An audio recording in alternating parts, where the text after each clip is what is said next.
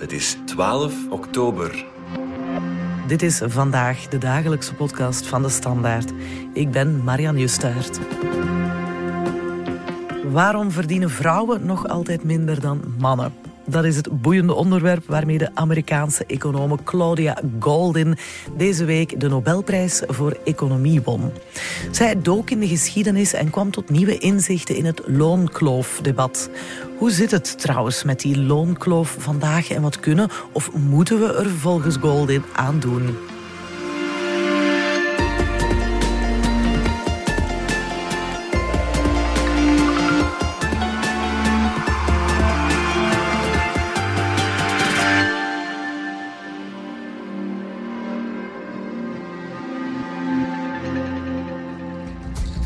Royal Swedish Academy of Sciences has decided to award Sveriges Riksbanks Prize in Economic Sciences in memory of Alfred Nobel 2023 to Professor Claudia Goldin, Harvard University, USA.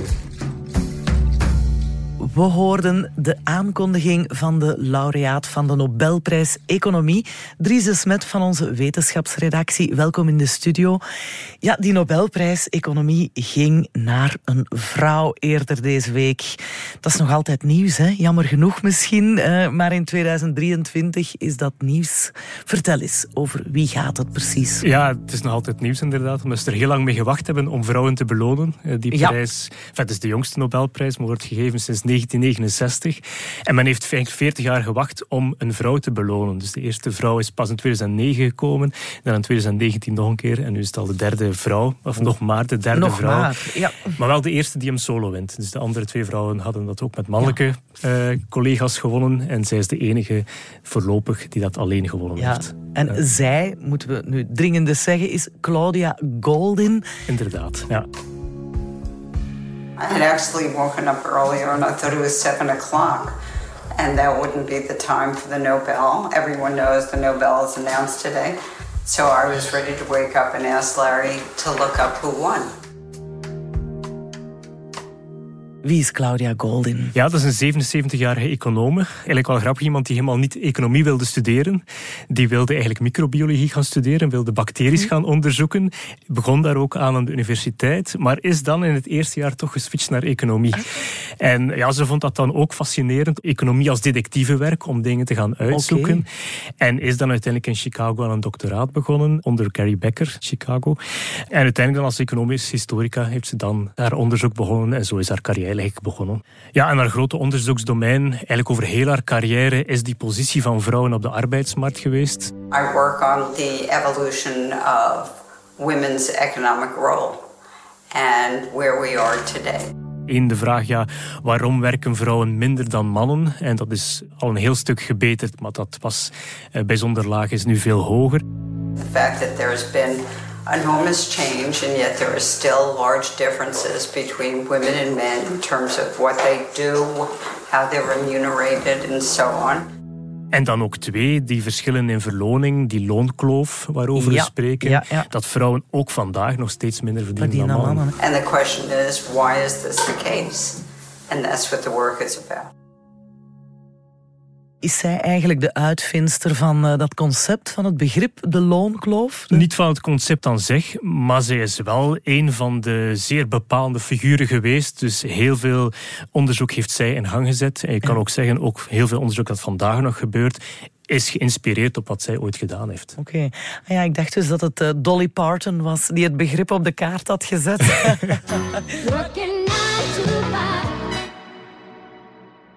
De deelname van vrouwen aan de arbeidsmarkt is haar onderzoeksdomein en het Nobelprijscomité loofde haar onderzoek omdat het ons echt wel nieuwe inzichten bijbracht op dat domein. Hè? Mhm, ja. ja, ze heeft eigenlijk als economisch historica heel veel werk gedaan. Het is iemand die echt naar die data ging gaan kijken en ook wat verder ging gaan kijken. Ik zou zeggen dan haar neus lang was, maar zelfs verder dan 100 jaar. Dus heel lang heeft men het idee gehad, als een land welvarender wordt, ja, dan neemt die participatie van vrouwen op de arbeidsmarkt Ja, wel toe. En men- Lijkt logisch. dat lijkt inderdaad logisch. En men keek naar de voorbije 100 jaar en men zag dat de economie groeide. Die groei is bijna ononderbroken geweest. En men zag ook dat vrouwen steeds vaker deel gingen nemen aan de arbeidsmarkt en een steeds betere positie op de arbeidsmarkt hadden. Maar als je dan verder terug gaat gaan kijken, en zij is meer dan 200 jaar terug gaan kijken, dan zag je eigenlijk dat aan het einde van de jaren 1700, einde van de 18e eeuw, werkte het 60% van de getrouwde vrouwen. En dat is sindsdien eigenlijk stelselmatig achteruit gegaan, tot een dieptepunt in Oké. 1910, waar maar eigenlijk maar 5% van de vrouwen werkte. En pas daarna is dat zich gaan herstellen. En dus als je enkel naar die herstellende periode bekijkt, de laatste 100 jaar, dan zie je inderdaad dat verband meer groei betekent een betere positie van vrouwen op de arbeidsmarkt. Maar als je kijkt ervoor, was er ook groei, maar zag je die positie altijd maar verslechteren. Ja. En dat is wel opvallend. En eh, ja, een van de belangrijke verklaringen daarvoor is dat je eigenlijk gaat van een landbouweconomie, waar vrouwen zeer sterk aan deelnamen en ook dat werk van thuis konden doen, ook met kinderen konden combineren. En dan zie je de industriële revolutie, waarbij het werk toch veel meer in fabrieken gebeurt bijvoorbeeld, niet meer thuis. En het gevolg daarvan is dat vrouwen zich gaan terugtrekken uit die arbeidsmarkt en eigenlijk bijna niet meer werken als je dat dan bekijkt in het begin van die 20e eeuw. Ja, en op die manier eh, dus ook niet kunnen meeprofiteren van een land dat welvarender wordt van die Exact, economische ja, groei. Ja, Want dus je hebt dus wel een van de economie die stijgt en het gemiddelde inkomen stijgt, maar dat van vrouwen helemaal niet, Ja. omdat die Ja. dus eh, zich gaan terugtrekken uit de arbeidsmarkt en veel meer onbetaalde arbeid gaan doen. Ja, ja. En dat was dan eigenlijk Goldins nieuwe inzicht, dat het niet zo is dat wanneer een land het beter doet op economisch vlak, dat dan de vrouwen automatisch Mhm. meer aan het werk zijn en dus ook mee kunnen profiteren eh, van die economische groei. Ja, inderdaad. Ja. Maar wat je dan wel zag, is dat vanaf 1910 zie je die evolutie wel. Dus eh, ja, vrouwen gaan steeds vaker gaan participeren op die arbeidsmarkt. Ook getrouwde vrouwen, die blijven dus ook werken op het moment dat ze getrouwd zijn en kinderen hebben. En je ziet dus die arbeidsparticipatie toenemen en ook de loonkloof daalt op dat moment. Dus die positie van de vrouw verbetert dus stelselmatig, maar dat gaat traag. Ook voor een stuk omdat je daar een soort van vertragingseffect hebt. Namelijk, vrouwen moeten gaan beslissen, wat ga ik doen? Ga ik bijvoorbeeld gaan studeren, wat een investering is in mijn toekomst en later voor een hoger loon zal zorgen? En daar baseren ze zich ook vaak op de denkbeelden die ze zelf meegekregen hebben. Ze baseren zich bijvoorbeeld op hoe hun moeder eh, Ja, hun ja, carrière ja. deed. En ja, dat zijn voor een stuk oude denkbeelden, want hun moeder is bijvoorbeeld snel afgehaakt. En dus denken ze, Ja. dat zal bij mij ook gebeuren, hoewel dat op dat moment al lang niet meer zo is. Maar toch baseren ze zich daarop en daardoor gaan ze bijvoorbeeld minder gaan investeren Ja. in onderwijs dan eigenlijk zou Ja. moeten. En ook later tot een hoog loon zou leiden. Ja, ja, toen had je echt nog wel die opleidingskloof ook natuurlijk nog, hè, die eh, ondertussen weggewerkt is. Daarover hebben we het nog. Maar toen, en ik denk dat we nu eh, een stuk in de jaren zestig zitten, kwam toch wel een baanbrekende uitvinding, ook uit België, de pil. Klopt, ja. ja. Dat is En- toch heel belangrijk geweest in de arbeidsparticipatie van ja, vrouwen. Ja, exact. En daar heeft ze ook onderzoek naar gedaan. Dat is wel op zich interessant. Dus haar onderzoek is gebaseerd op het feit dat die pil niet gelijkmatig werd ingevoerd in de Verenigde Staten. Dus een aantal staten waren die vroeger, een aantal staten waren die later.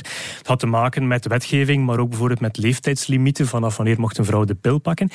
En dan zag ze die staten die vroeger de pil ingevoerd hadden, dan ziet ze daar dat vrouwen daar meer gaan investeren in onderwijs. Vaker gaan studeren, bijvoorbeeld in beroepen als economie, rechten, geneeskunde.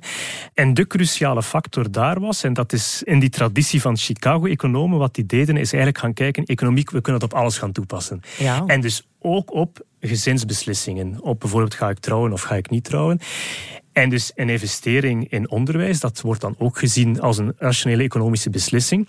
En die pil zorgde ervoor dat vrouwen minder ongewenst zwanger werden. Ja. Waardoor ze niet zo snel moesten trouwen, want vaak was het dan van te moeten als die zwanger werden. En vaak stopten die dan ook met werken. En doordat je dat kan controleren, weet je ook, ja, die investering die ik zal doen, die zal voor een langere tijd renderen. En Ja. dus loont die ook meer. En dus gingen vrouwen ook meer gaan studeren. Aan gezinsplanning doen. Ja. Ja. En heeft die situatie voor een game changer gezorgd in eh, het hele loonkloofdebat? Eh, ja en nee, maar niet onmiddellijk. Dus je ziet eigenlijk dat tussen, in de Verenigde Staten tussen 1930 en 1980 dat die loonkloof nauwelijks afneemt. En je ziet daar ook weer dat vertragingseffect. Dat duurt eventjes totdat dat doorcijpelt. En dan vanaf de jaren 80 zie je dat die loonkloof wel afneemt. Dus het heeft ermee voor gezorgd, maar het heeft even geduurd. Ja, ja. Nu, vandaag hebben vrouwen op minstens één vlak de mannen wel al ingehaald. En dat is het opleidingsniveau, toch? Hè? Ja, klopt. Je ziet dat in de meeste westerse landen dat eh, vrouwen beter opgeleid zijn dan mannen. Dat geldt dan vooral voor jongere vrouwen. Dus bij de oudere cohort was dat nog niet zo. Maar je ziet dat nu ook aan universiteiten en hogere scholen. Daar zitten meer vrouwen dan mannen. Ja. Eh, dus je ziet dat vrouwen qua opleiding dat ook ingehaald hebben. Dat Ja. klopt. Ja. Dus daarop kunnen we de loonkloof al niet meer steken, maar die is wel nog aanwezig vandaag. Klopt, ja, ja. Ja, als je kijkt naar België, dan zien we dat die loonkloof er nog altijd is. En dan moet je misschien wel even zeggen wat die loonkloof ook Ja, is. ja, wat we daaronder Ja, verstaan. er zijn verschillende manieren om dat te gaan berekenen. Een courante manier is om te gaan kijken per uur verdient een vrouw gemiddeld meer of minder dan een man. Ja. Over alle jobs, dus dat is niet voor gelijke jobs. En dan zien we dat vrouwen 5% minder verdienen dan mannen per ja, uur. in ons land. Ja. ja. In België zien we dat die loonkloof 5% is. Dus vrouwen verdienen 5% minder dan mannen per uur. En eh, wereldwijd zie je dat dat in de ontwikkelde landen 13% is. En in de ontwikkelingslanden is dat nog veel hoger. Ja. Eh, er zijn ook cijfers waar je gaat gaan kijken over een heel jaar. En dan zie je dat dat bijna een kwart is. Wow. En ja. hoe komt dat? Ja, dat is omdat vrouwen voor een, groot stuk vaker eh, deeltijds werken. Dus 40% van de vrouwen Ja, werkt deeltijds. Bij de mannen is dat maar 13%. jaarcijfer. Ja, ja, ja. Eh, waardoor dat verschil zo groot is. Ehm, en dan kan je natuurlijk gaan uitklaren, ja, maar hoe komt dat nu? Waaraan ligt dat nu, die loonkloof? En zo gaat men dat, dat gaan uitfilteren om te gaan kijken, ja, wat is nu eigenlijk de loonkloof voor gelijk werk? Ehm, en wat zeer bepalend is voor de loonkloof, is de sector waarin je werkt. Dus Ja. vrouwen werken nog meer in zachte sectoren. Denk aan de zorg bijvoorbeeld, waar toch Ja. minder betaald wordt. Zorg, onderwijs, eh, Ik- dat is ook zo'n dingen. Hè? Exact. eh, dus, dus dat speelt. Eh, het, het aantal werkuren speelt natuurlijk ook voor een groot stuk. En dan blijft nog een stukje onverklaarde loonkloof over. En Ja. daar moeten we wel in zeggen, in België is die vrij klein. Dus daar, als je dan kijkt naar Europese cijfers, dan zegt men zelfs eigenlijk, ja, eigenlijk kunnen we bijna alles verklaren op basis van die objectieve factoren, zeg maar, zoals sector bijvoorbeeld. Eh, Ja, Oké, vrij klein, maar toch nog bestaande. En dan wereldwijd zijn de cijfers, eh, zeker in sommige landen, toch wel veel dramatischer. Ook in het Amerika van Claudia Goldin. En we zitten terug bij onze Nobelprijswinnares. Hoe verklaart zij dan die loonkloof, eh, los van de objectieve factoren, zoals de verschillende jobs, opleidingsniveau en het deeltijdswerken en zo? Mhm. Ja, ze heeft een, een heel interessant onderzoek gedaan, trouwens met een Belgische econoom, Marianne Bertrand, Oh. eh, die aan de ULB eh, gestudeerd heeft en dan eigenlijk haar carrière ook in, in de VS gemaakt heeft. En wat zij eigenlijk gingen gaan kijken is, dus mensen die bijvoorbeeld in Chicago een MBA gaan doen, mannen en vrouwen, waarom is het zo dat mannen die die MBA doen toch nog een heel pak meer verdienen dan die vrouwen? En een van de bepalende factoren waar zij op uitkwam, was een kind. Dus Ja. op het moment dat vrouwen een kind krijgen, heeft dat een heel grote invloed op de carrière. Terwijl op, als mannen een kind krijgen, heeft dat nauwelijks een Ja. invloed. Vrouwen betalen de babyboete, hè? Inderdaad, ja, ja. Dus die krijgen een babyboete. Absoluut. Ehm, ik herinner me nog de eerste dag dat ik hier bij de Standaard kwam werken, was de kop op de voorpagina kind nekt carrière moeder. Ja, en, en, dus dat, Dat is stelt... tien jaar geleden, Dries. Ja, wij, wij zijn samen begonnen, Marianne. Ja, dus ik waar. herinner mij de dag dat jij begonnen bent. Eh, toen had ik ook nog geen kinderen, dus eh, dat is fijn. Eh, maar ze proberen dus te verklaren waarom verdienen die vrouwen minder. En dan zien ze, er zijn een aantal objectieve factoren daarvoor. Namelijk bijvoorbeeld, ze hebben minder ervaring. Ze hebben een langere onderbreking gehad op het werk en ze hebben bijvoorbeeld een uren teruggeschroefd. Ja. Nu, die factoren, voor zij kinderen hebben, treden die factoren niet op. Dus die ervaring is dezelfde, ehm, de werkonderbrekingen zijn dezelfde, het aantal uren is hetzelfde. Het is pas als dat eerste kind komt, ja, dat daar een verschil begint op te lopen en dat Ja. verschil neemt toe. Eh, En dan zie je dat blijvend verschil tussen mannen en vrouwen. Dus zij gaat heel sterk gaan kijken naar ja, die positie van die vrouw toch, afhankelijk van de gezinssituatie. Ja, ah. maar als ik het goed begrijp, gaat het er dan over dat die vrouw eh, flexibeler werk zoekt, soms ook iets minder werk, maar daarom niet minder werkt of, of slechter Ja, werkt ja, dan ja. een man in een gelijkaardige positie. Ja, en dat is wat jij eh, de babyboete dan noemt. Eigenlijk, als je je uren even terugschroeft en daarna weer opneemt, zou je daar eigenlijk niet voor moeten gestraft worden. Want als je dat even doet en daarna ga je weer evenveel gaan werken, zou je evenveel moeten gaan verdienen. Ja. Maar zij ziet dus dat ja, vrouwen disproportioneel gestraft worden voor het niet opnemen van een aantal uren op een bepaald moment in de carrière. En dus dat dat blijft doorwerken. Ja. Eh, En dat is dus, ja, als je dan dat wil gaan oplossen, ja, dan moet je vooral daar iets aan gaan doen. Ja.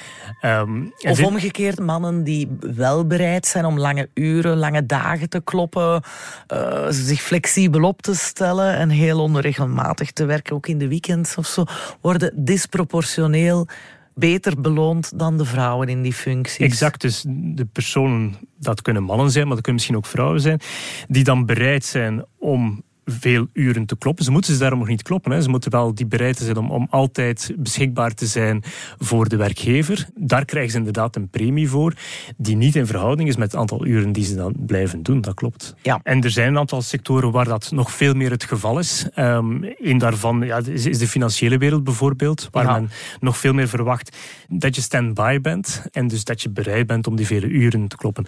Wat dan moeilijker te combineren is met een gezin. En dan zien ze ook in de VS dat vrouwen vaak daar het grootste slachtoffer van zijn.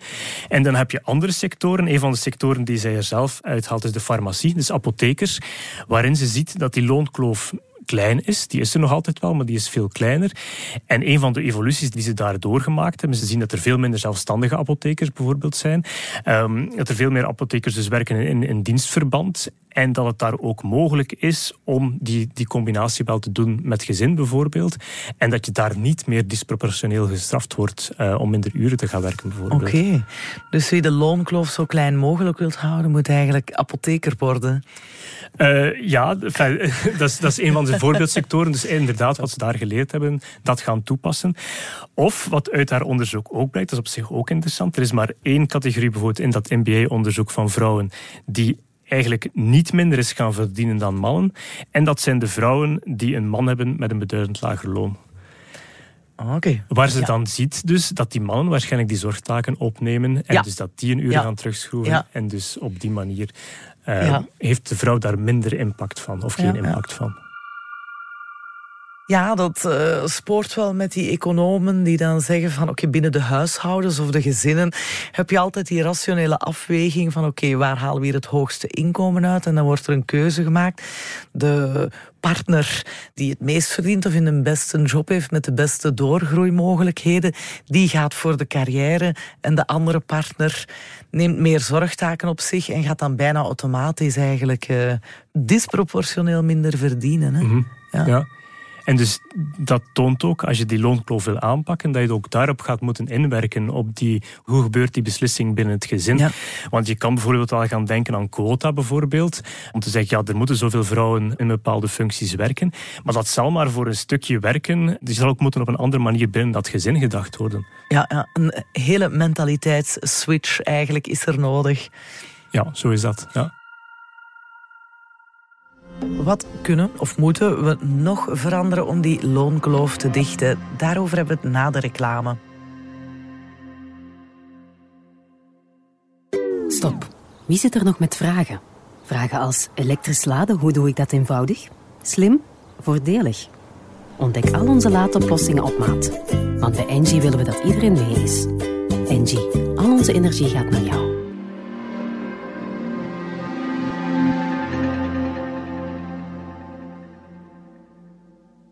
We zijn terug bij jou, Dries, om te kijken wat we kunnen doen aan die loonkloof. Hebben we misschien nood aan een ander verloningssysteem? Eén dat dan niet gebaseerd is op eh, de bereidwilligheid om lange dagen en onregelmatige uren te kloppen? Klopt, en dus dat is nog steeds zo dat werkgevers dat disproportioneel gaan belonen. Dus ook dat ga je moeten aanpakken om die loonkloof finaal helemaal te gaan oplossen.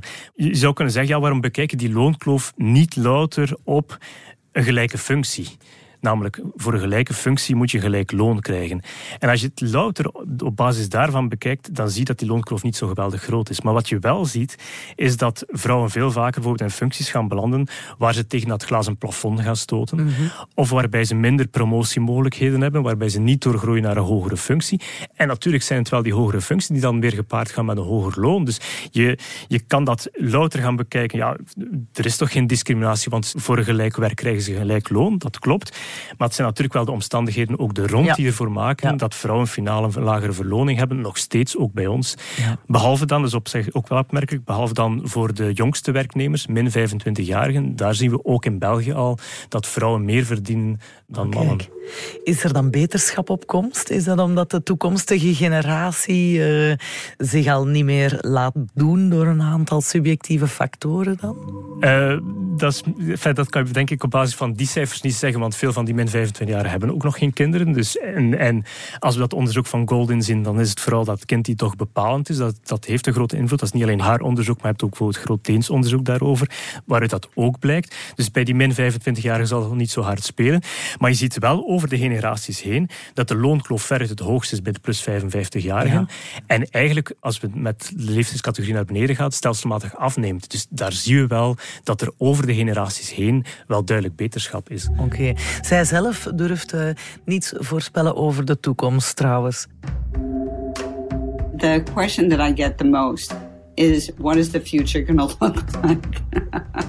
and my answer is always that's why I'm a historian. Because I don't predict the future, but I can backcast. And that's hard as well.